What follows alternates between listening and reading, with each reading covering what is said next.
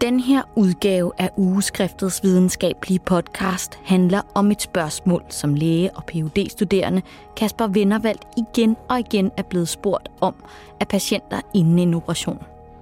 Er jeg nu det bedst tænkelige sted? Det spørgsmål er faktisk rigtig svært at besvare, og vi har ikke som sådan opgørelser, der tydeligt viser, hvor man får den bedste behandling, eller hvilken behandling man øh, kunne få i stedet for.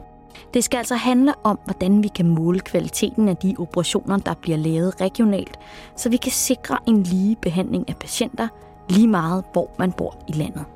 Velkommen til. Jeg hedder Karen Siret Jacobsen.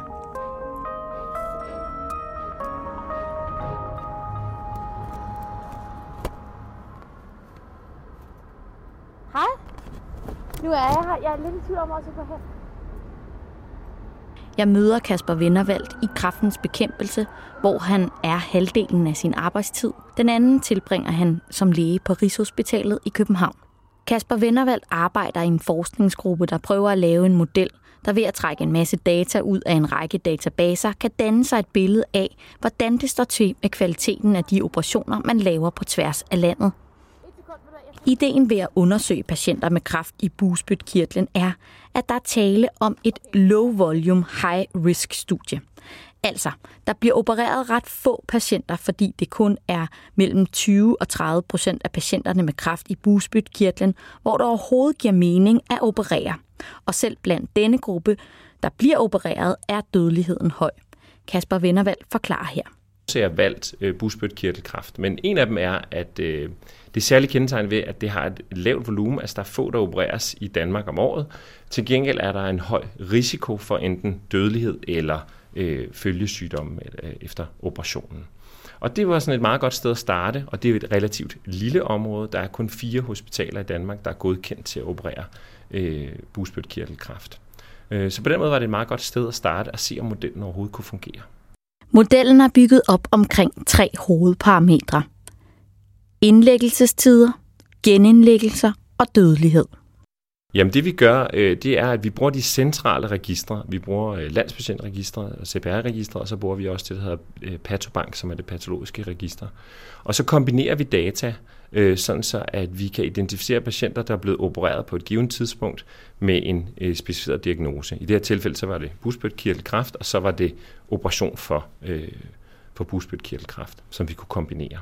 Og øh, så kan vi så, sådan, så at sige aflæse, hvor længe har patienten været indlagt, hvornår blev de udskrevet, blev de overflyttet undervejs.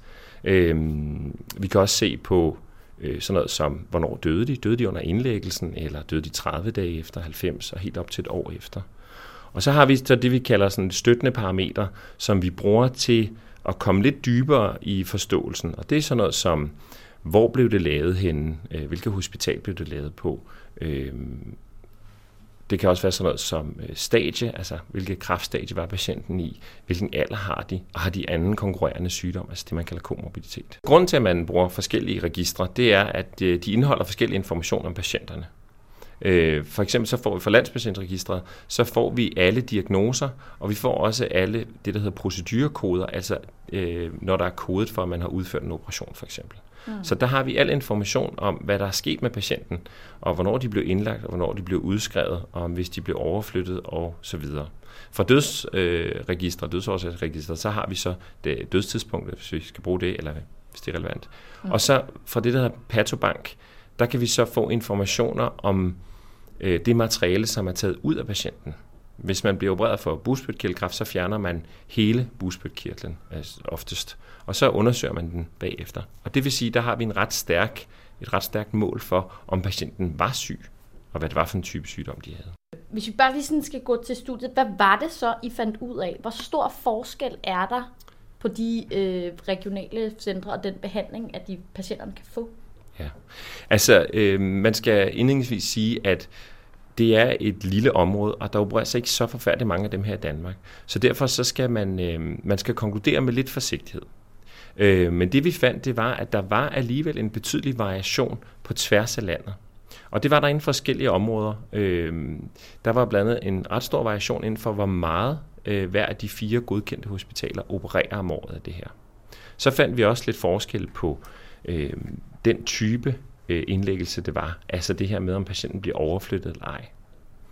Øh, vi fandt også øh, forskel i dødelighed, øh, både øh, den dødelighed, som er under indlæggelse, det hedder hospitalsdødeligheden, men øh, også helt op til et års øh, dødeligheden fandt vi forskel. Som Kasper Vennervald sagde, så viser studiet, at der er markant forskel på, hvor mange patienter, der bliver opereret på de forskellige centre.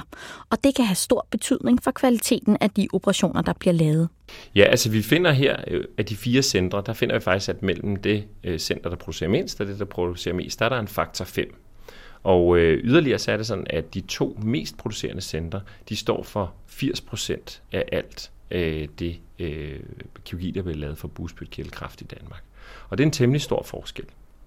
Øh, man kan ikke direkte af de her tal aflæse øh, betydning af det, men øh, det er klart, at hvis man snakkede om, at det her det handler om, hvordan teamsene er skruet sammen, hvordan øh, det hele det perioperative, altså både det, der sker før og efter operationen er, jamen så er det klart, at hvis man har en, betydelig mindre øh, produktion eller, eller, eller øh, operationsrate, jamen så øh, kan man ikke blive lige så rutineret, som man kan, hvis man opererer meget.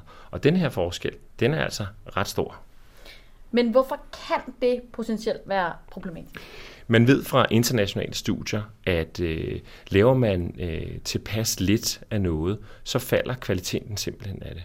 Øh, og, øh, og det kan i værste fald betyde sådan noget som øh, forlænget indlæggelsestid, flere genindlæggelser, men også en højere dødelighed. Der er rigtig meget øh, forskning, der tyder på, at det har en, der er en sammenhæng mellem, hvor meget man laver, og, øh, og hvordan det går. Øhm, forskning tyder også på, at det er faktisk sjældent med den enkelte læge, der opererer at gøre. Det er mere hele det omgivende team og hele det setup, som hospitalet har, som har en betydning. Øhm, men, men der er en sammenhæng, eller der er, der er noget, der tyder på, at der er en sammenhæng mellem, hvor meget man laver og hvordan det går. Så det handler rigtig meget om, hvordan man ligesom organiserer øh, arbejdet omkring operationen.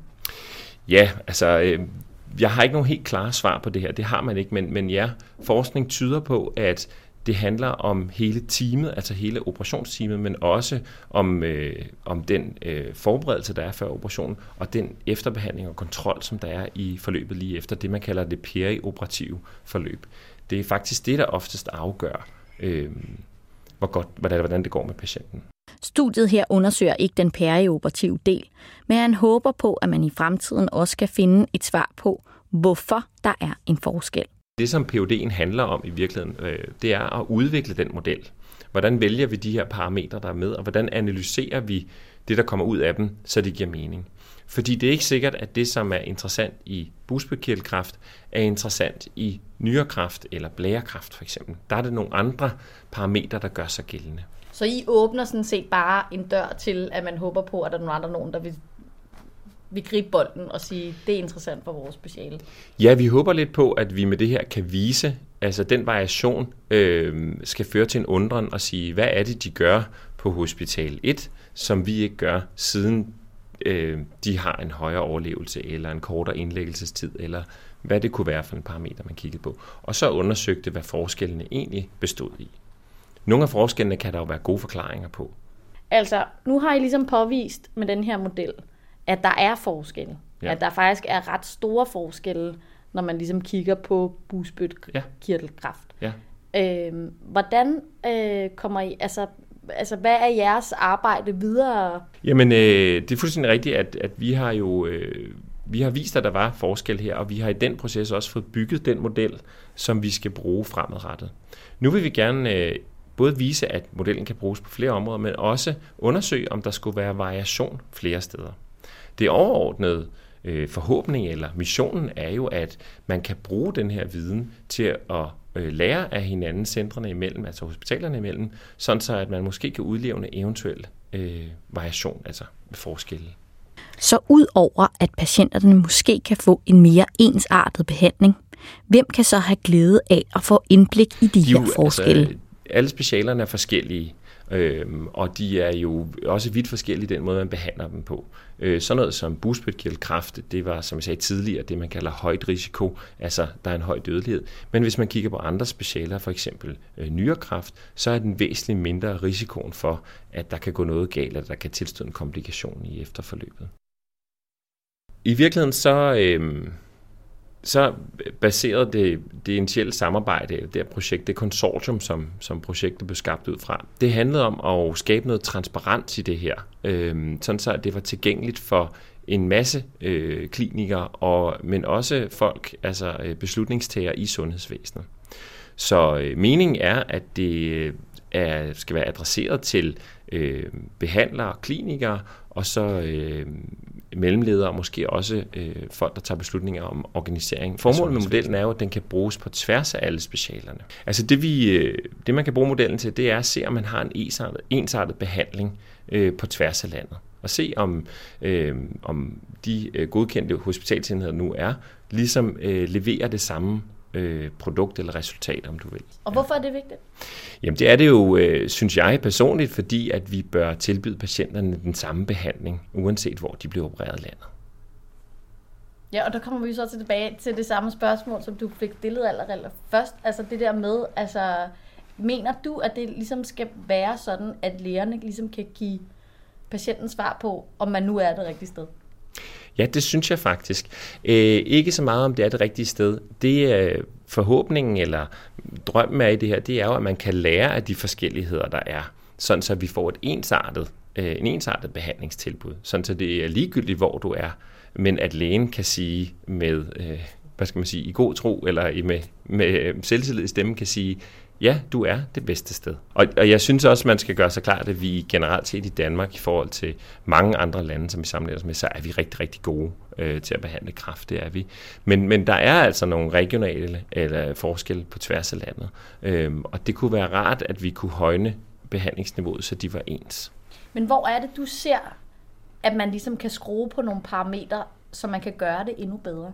Jamen, det kan jeg ikke identificere, øh, og det, øh, det kræver, at man er inden for det speciale, at man kan dykke ned i det. Øh, det vi håber på med det her, det er, at det kan give et fingerpeg om, hvor skal man kigge henne? Hvor er der teams, der kunne lære af andre teams, for eksempel? Er der hospitaler, der kunne lære hinanden noget? Øhm, og så må man prøve at se, om det er øh, noget af det pæreoperative, eller noget af den måde, man gør det på øh, under selve operationen.